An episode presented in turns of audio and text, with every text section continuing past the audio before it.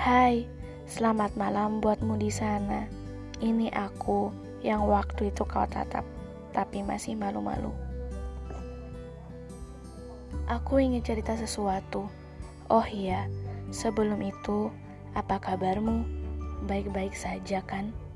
Ku tebak rambutmu bakal lebih panjang dari sebelumnya karena alasan yang kini sedang kupikirkan.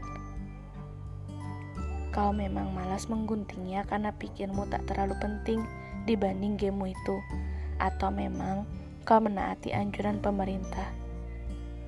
Tapi, aku dapat menebak dengan jelas yang mana dirimu, sebab ajaran tentang mengagumi dalam diam tiga tahun lalu kepada dirimu sudah kukuasai melebihi konsep matematika dan rumus-rumusnya yang selalu mencari dan mendapat titik temu, namun tidak begitu antara aku dan kamu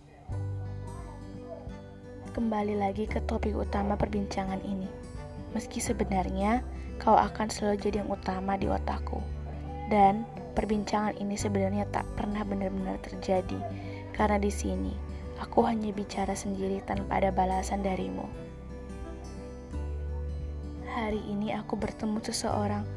Dia sama sepertimu, punya dua mata, dua telinga, satu hidung dan satu mulut.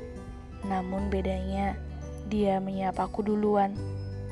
Tidak sepertimu yang sering mengabaikanku berjam-jam di WhatsAppmu itu.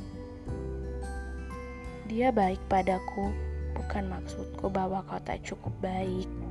Kau malah terlampau baik, hanya saja pada semua orang, sehingga terkadang aku salah tafsir bahwa kau menaruh rasa padaku. Kami sempat bertukar senyum sebelum aku benar-benar pergi. Kau tahu, di titik itu aku merasa aku menjadi dirimu. Iya, yang datang, lalu kemudian pergi sesukamu tanpa berbalik lagi.